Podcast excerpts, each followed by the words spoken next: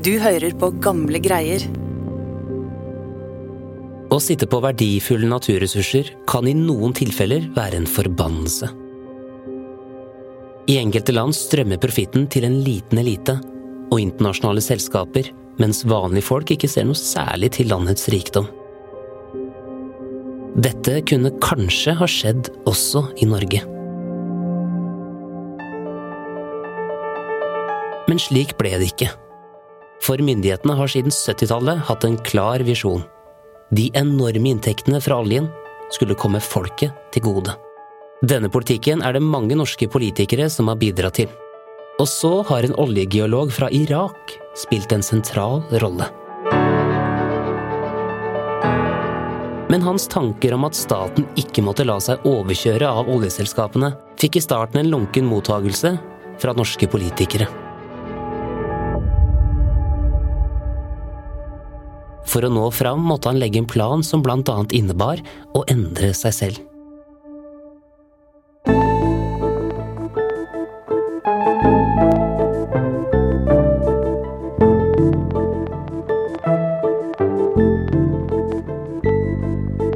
Du hører på Gamle greier, en podkast fra Nasjonalbiblioteket.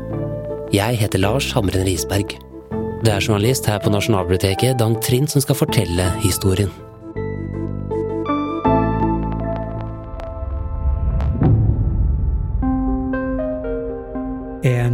Varm sommerdag i 1972 sto en mann med mørkt hår, briller og milde øyne på et kontor i Oslo.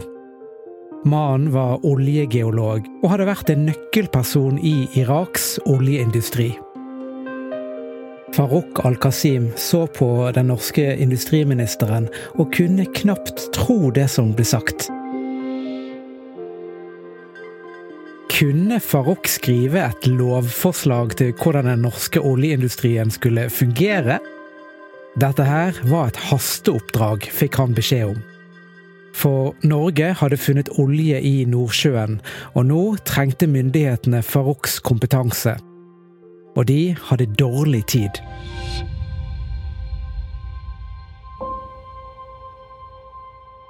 Men det var ingen selvfølge at geologen sto her foran den norske industriministeren.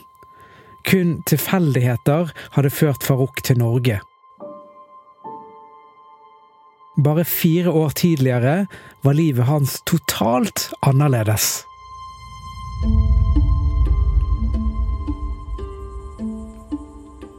En varm og tørr maidag i 1968 vekket Farouk al-Qasim og konen Solfrid de tre barna sine.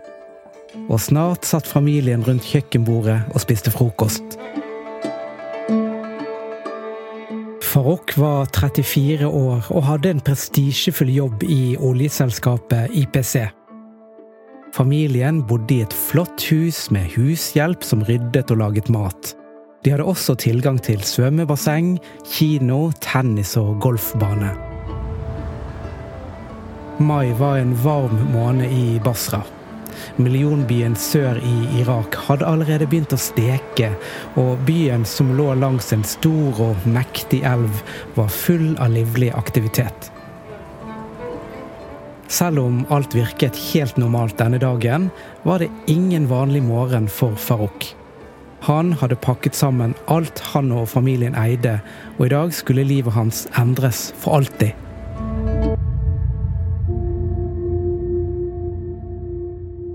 Sønnen Raid var alvorlig syk, og de irakiske legene hadde ikke kompetansen de trengte for å hjelpe.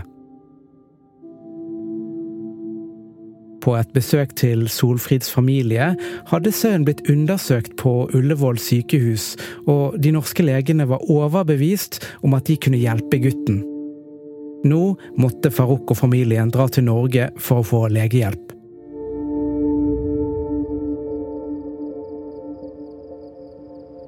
Farouk hadde vært engstelig for denne dagen i flere uker. Det var nemlig ikke bare å forlate landet sånn uten videre. Som geolog hadde Farouk bidratt til å øke utvinningen på oljefelt, og var en av få irakiske personer som faktisk hadde kunnskap om oljen. For en stund siden, da Farouk satt på flyet for å dra på en arbeidsreise til USA, hadde sikkerhetsvakter hentet han ut av flyet og nektet han å forlate landet. Hans navn var nemlig på en liste over nøkkelpersoner i Irak. Men nå hadde Farouk lagt en plan for å lure myndighetene.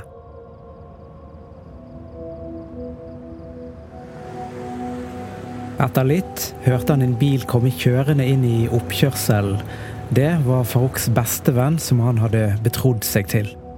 Kompisen hadde måttet sverge på Koranen at han skulle holde familiens fluktplan for seg sjøl. Farouk og en av sønnene satte seg i én bil, mens konen Solfrid og de to andre barna satte seg i en annen. At de ikke kjørte sammen, var en viktig del av planen. Det skulle se ut som om de ikke reiste sammen. Like etter brummet bilene, og med nerver i høyspenn la familien på vei til grensen.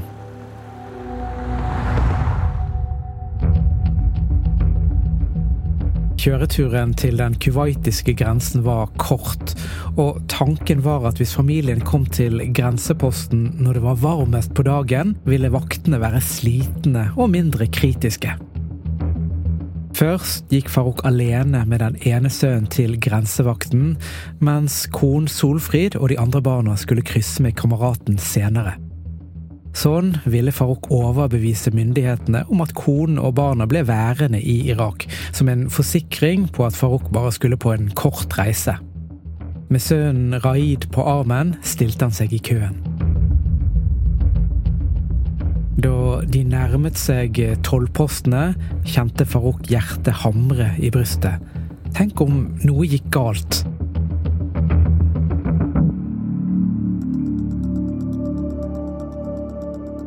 Farouk kjente at varmen stekte på huden, og ventingen var uutholdelig. Da Farouk endelig kom fram til grenseposten, rakte han vakten papirene og passet. Vakten målte Farouk og sønnen med et strengt blikk. Så slapp de gjennom. Nå var de i Kuwait. På den andre siden av grensen ventet Farouk i spenning på konen og de to eldre barna. Mens varmen stekte, føltes minuttene uendelige. Da han endelig så resten av familien, var lettelsen stor. Sammen kunne de nå reise videre til Europa. På flyplassen i Amsterdam kastet Farouk et blikk på konen Solfrid. En slank dame med brunt, oppsatt hår og de vennlige grønne øynene han hadde falt for. Hun skulle ta barna til familien i Norge og gjøre alt klart, mens han først hadde et viktig oppdrag. Farouk hadde gjennom karrieren jobbet for å bidra til å bygge opp Iraks økonomi ved å sørge for at oljeselskapene fikk mindre makt, og at staten kunne bygge opp velstanden. For han var det innlysende at de store selskapene ikke kunne stikke av med det meste av profitten. Men eh, nå som han hadde forlatt Irak, kunne ikke han bidra i hjemlandet sitt mer. Farouk måtte starte på nytt, og han kunne bare håpe at utdannelsen og erfaringen ville være verdt noe i Norge. Men først måtte Farouk reise til London, hvor sjefen for oljeselskapet hans hadde kontor. Der måtte han si opp jobben som oljegeolog. Det hadde rett og slett vært for risikabelt å gjøre det før avreise. I London gikk alt etter planen, selv om sjefen hadde vært veldig skuffet. Men han hadde forstått at sønnen til Farouk måtte komme i første rekke.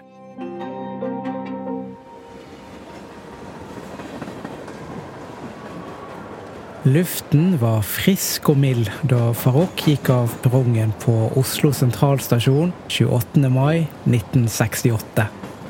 Han hadde vært der før, og dette var Farouks favorittårstid i Norge. Det var frodig og grønt overalt. Farouk hadde god tid.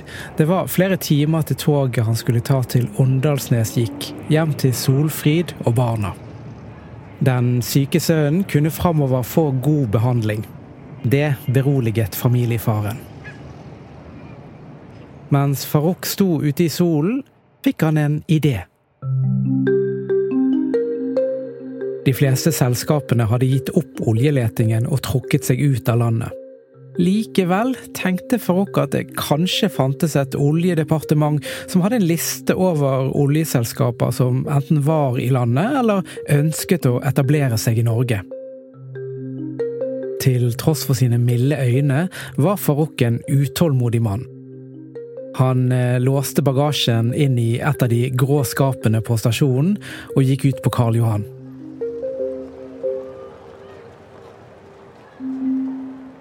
Sammenlignet med London og de travle gatene i Basra var Oslo en liten og stille by. Irakeren spaserte inn i den første telefonkiosken han så, og åpnet en tjukk telefonkatalog. Blikket fulgte pekefingeren som gled opp og ned sidene, men ingen steder sto det noe om et oljedepartement. Farouk bladde videre, og på en av sidene var Industridepartementet oppført. Farouk tenkte seg om. Dette her måtte være de som hadde oversikt over hvilke selskaper som var i landet, og som kanskje trengte en geolog. Han la fra seg boken og spurte en forbipasserende om retningen til regjeringsbygget. Drøye ti minutter senere sto Farouk i resepsjonen, og på klokkeklar engelsk la han håpefullt fram sin sak. Resepsjonisten så på han før hun løftet røret på en telefon. Farouk ventet spent. Like etter kom beskjeden. Ja, en av ingeniørene ville treffe han, og Farouk ble sendt opp til kontoret med heisen. I syvende etasje ble han møtt av en høy og tynnhåret mann. Farouk la fram saken sin, og nordmannen hørte på, og Farouk syntes han var hyggelig, men litt reservert. Og så kom den lunkne responsen. Oljeleting hadde foregått i et par år, men de hadde ikke funnet olje, og selskapene var usikre på fortsettelsen. Men til tross for det skulle ingeniøren lage en liste over eventuelle selskap som kanskje kunne være aktuelle å oppsøke. Listen kunne Farouk hente om noen timer. Farouk tok heisen ned igjen og vandret gjennom byen for å få tiden til å gå. Timene hadde gått raskt, og brått sto Farouk i heisen i Industridepartementet igjen. Denne gangen var det tre menn som tok imot Farouk i syvende etasje. En ingeniør, en geolog og en jurist. Farouk merket at de alle var nysgjerrige, men samtidig virket de litt skeptiske, syns irakeren. Bortsett fra enkelte fraser snakket han ikke norsk, men engelsken var ypperlig, og Farouk fortalte i det vide og breie om arbeidserfaringen og utdanningen sin. Og til slutt la han til at han var gift med en norsk kvinne, og derfor hadde havnet i landet. Farouk mente han så en lettelse i ansiktene til de tre mennene. Like etter sa de at de hadde veldig lyst til å ansette han, men hadde ikke fått grønt lys fra ledelsen i departementet, og kunne ikke ta noe standpunkt ennå. Farouk ga de adressen og telefonnummer til familien i Åndalsnes, og fikk et visittkort i retur.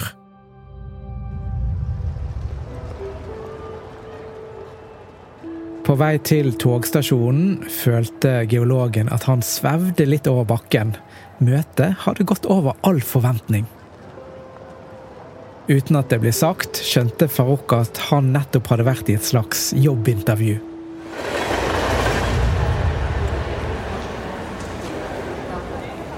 Da Farouk gikk av perrongen i Åndalsnes, kjente han en frisk vind i ansiktet, og da han løftet blikket, så han konen Solfrid som ventet på han. Ingen av de to hadde for øyeblikket arbeid. Men nå måtte Farouk forholde seg til virkeligheten. Han var forberedt på å ta egentlig hvilken som helst jobb. Det viktigste var at sønnen Raid fikk den behandlingen han trengte. Og hvis det betød å legge geologutdanningen på hyllen og arbeide som drosjesjåfør, fikk det bare være.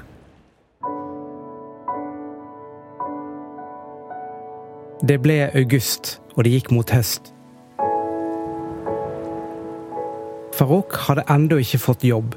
Selv om han hadde høy utdanning og forsøkte å lære seg norsk, var det ikke lett å være innvandrer på jobbmarkedet, syns geologen. Og han hadde ikke hørt et ord fra Industridepartementet heller. Til høsten skulle barna begynne på skolen, og det så mer og mer ut som at Åndalsnes ville bli familiens permanente hjem. Og Farouk lurte nå på om han burde ta seg arbeid som ikke krevde utdanning. Situasjonen virket håpløs. Plutselig ble han dratt ut av det vakre landskapet av at telefonen ringte. Det var Industridepartementet som ønsket at han skulle komme til Oslo for et møte. Det var litt uklart hva de egentlig ønsket, men Farouk følte på seg at dette her var en gyllen mulighet.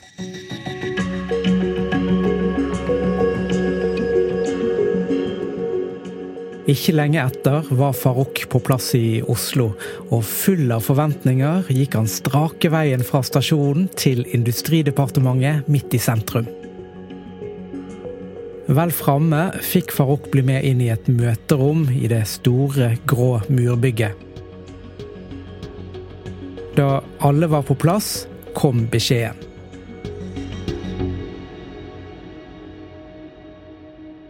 Departementet kunne tilby han et eh, tre måneders engasjement. Farouk kjente på en enorm lettelse og takket ja på stedet.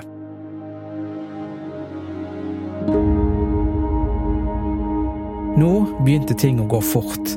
Allerede i oktober begynte han i den nye jobben. Familien fant en plass å bo, og barna og Solfrid fulgte etter. Alt lå til rette for en ny hverdag i hovedstaden. Geologen fikk et kontor i Eilertsunds gate på vestkanten i Oslo, en drøy kilometer unna departementet.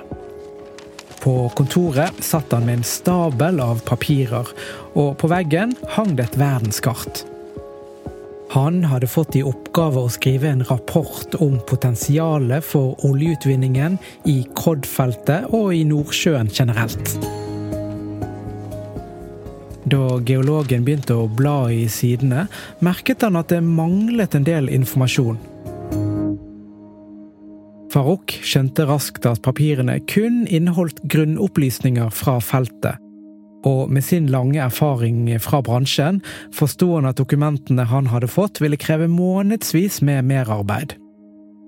Uten registreringer fra Cod-brønnen ville det være vanskelig å trekke konklusjoner til rapporten han skulle skrive. Etter å ha snakket med noen av kollegaene, bestemte Farouk seg for at departementet måtte kreve svar fra selskapet som hadde gjort undersøkelsene i Nordsjøen. De måtte måtte få tilgang til de manglende opplysningene fra Philips-selskapet. Faroks frustrasjon vokste. Hvorfor holdt selskapet informasjon tilbake?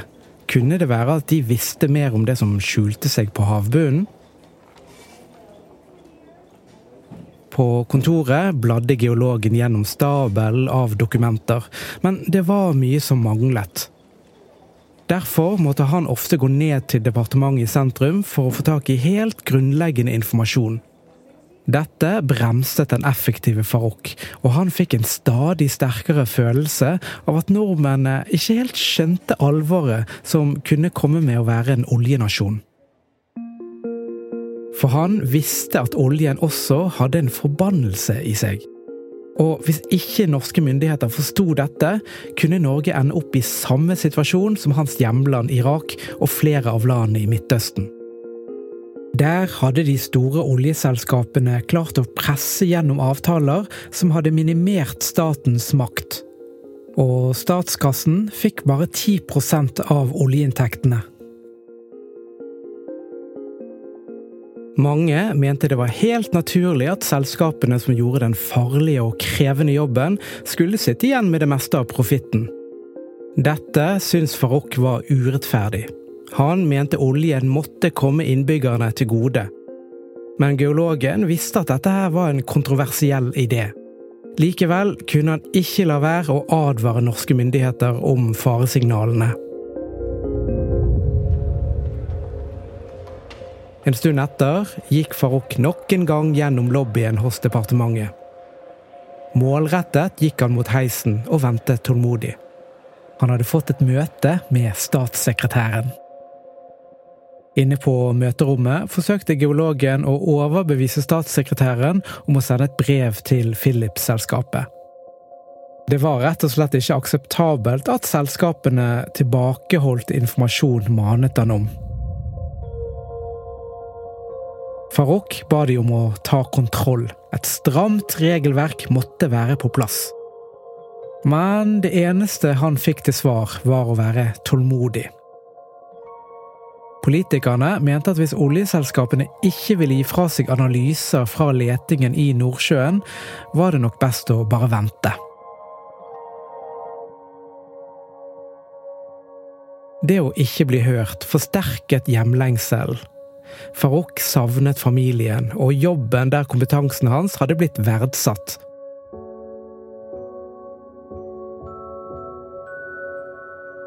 men å gi opp og reise tilbake var helt uaktuelt. I løpet av sommeren hadde et radikalt parti med lederen Saddam Hussein i spissen styrtet regjeringen. Hvis Farouk dro tilbake til Irak nå, ville han kanskje aldri få lov til å forlate landet igjen. Det var her i Norge han måtte satse.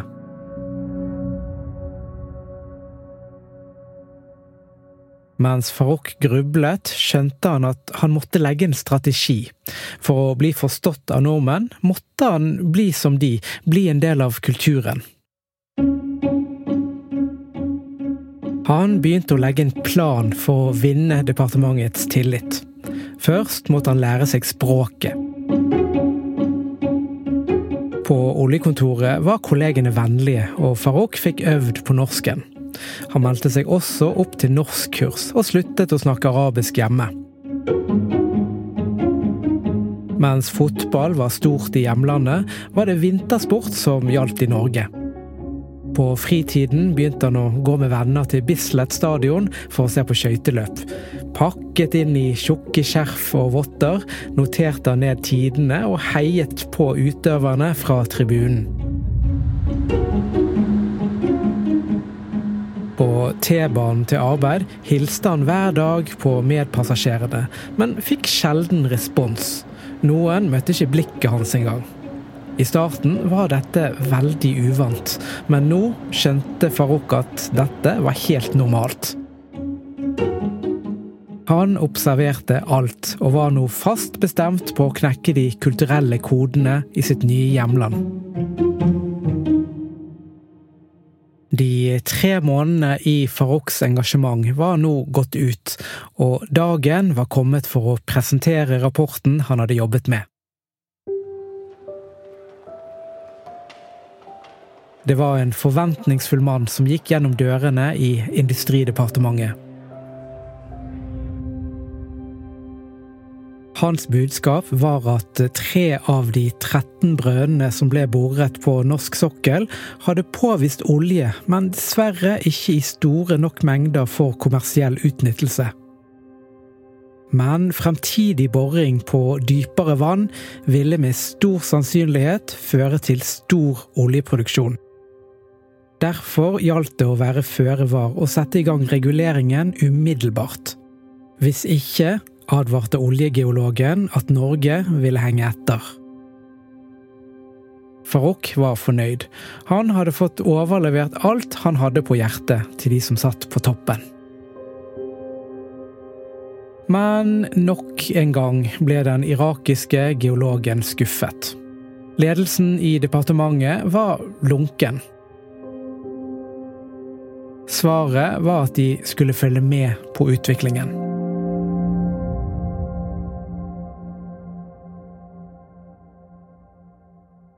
Ved juletider 1969 skjedde det noe som skulle bli et vendepunkt, ikke bare for Farouk, men også hans nye hjemland. Lille julaften fikk norske myndigheter vite at oljeselskapet Philips hadde funnet olje i et petroleumsfelt kalt Ekofiskfeltet, lengst sør i den norske delen av Nordsjøen. I 1970 og 71 ble omfanget for alvor kjent for offentligheten. VG 20.3.1971. Når produksjonen kommer i gang ved Ekofisk, vil den norske stat få en årsinntekt på 100-500 millioner kroner over en 20-30 årsperiode. Dagbladet 27.9.1971. Frigg-feltet er en gullgruve for Norge. Bare Ekofisk-gassen er verdt 30 milliarder. Til Faroks store overraskelse og glede lyttet departementet, og i løpet av de to neste årene vokste oljeavdelingen stadig. Ingeniører, geologer, jurister og andre fagfolk ble ansatt. 9.6.1971 åpnet statsminister Trygve Bratteli offisielt Ekofisk-feltet. Denne dagen kan bli en merkedag i vår økonomiske historie. Jeg håper de forventninger som knytter seg til oljeproduksjonen, vil bli innfridd. I anledning av oppstartingen av den første produksjonen av petroleum fra den norske kontinentalsokkelen, har jeg den ære å avduke denne plakett. Sommeren 1972 ble Farouk kalt inn til et møte med statssekretæren og industriministeren. Og nå var det helt nye toner.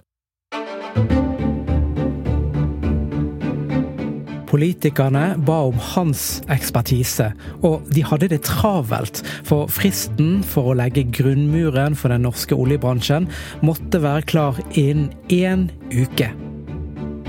Ansvaret var enormt, og Farouk ble stresset av den korte fristen. Likevel kjente han seg enormt smigret. Det virket som om myndighetene endelig hadde forstått alvoret, og nå hadde han sjansen til å bidra til at Norge skulle bli et annerledes oljeland enn hjemlandet Irak. Siden Farouks norsk ikke var helt perfekt, ba han om å få med en kompanjong til å skrive. Valget falt på en tyskfødt jurist, Dieter Schaubert. En lys og smilende mann. Og for å få arbeidsro dro de til Dieters families landsted, en idyllisk villa med plommetrær, blomsterhager på en øy ved Tjøme. Mennene sov på madrassene på loftet, og kjøkkenbordet var arbeidsbenken. Dag og natt gled inn i hverandre, og de ble helt oppslukt av arbeidet. Farouk dikterte, og Dieter skrev. Ofte tullet de to med at en iraker og en tysker støpte grunnmuren for den norske oljemodellen her ute i skjærgården.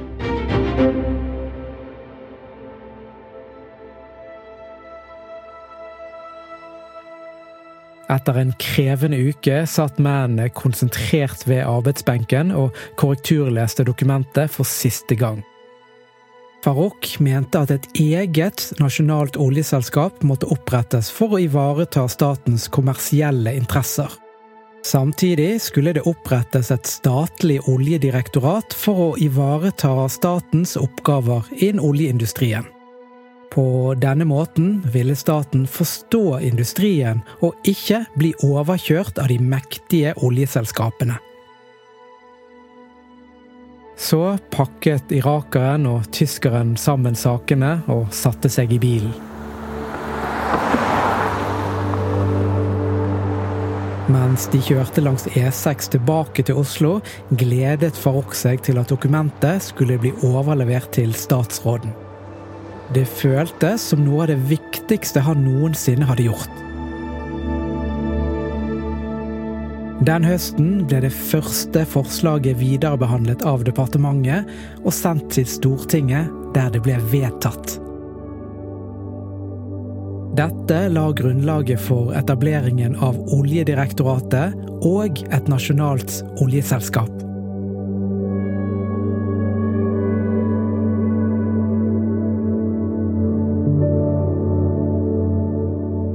Farouk al-Qasim er i dag 90 år gammel. Vi møtte han hjemme i hans leilighet i Stavanger.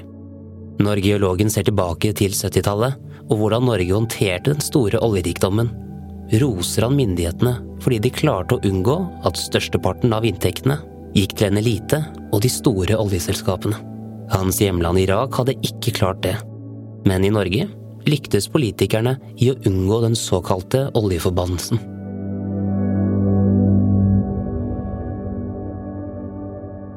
De ble gjort oppmerksom på dette. De ble redde for at dette kunne også skje i Norge.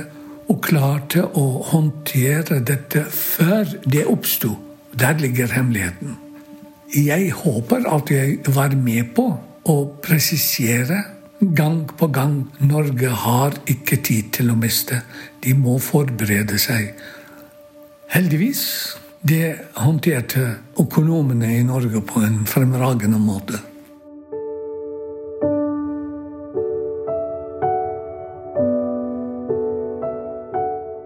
Når myndighetene hadde kontroll og regelverket var på plass, oppsto det i Norge et helt unikt samspill, mener Farouk. Oljeselskapene og myndighetene samarbeidet om å få dette til. Istedenfor å krangle, som de pleier å gjøre overalt. Når dette samarbeidet er gjort på riktig grunnlag, så fører det til imponerende heving i utnyttelse av ressursene. Farouk al-Qasim ble utnevnt til ridder første klasse av St. Olavsorden i 2012 for hans innsats for norsk oljevirksomhet.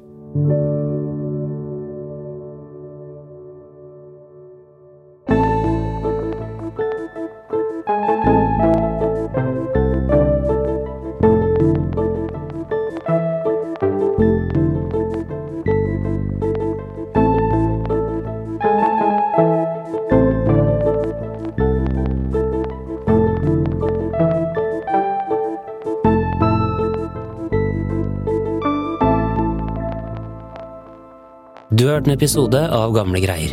Denne episoden er laget av Martine Kaino, Dang Trind og meg, Lars Hamren Risberg. Kilder til episoden er boken Farouk al-Kasim, Hemmeligheten bak det norske oljeeventyret, av P. Lars Tomstad. Radiointervjuet Araber i Olje-Norge, møte med direktør Farouk al-Kasim i Oljedirektoratet, NRK 1980.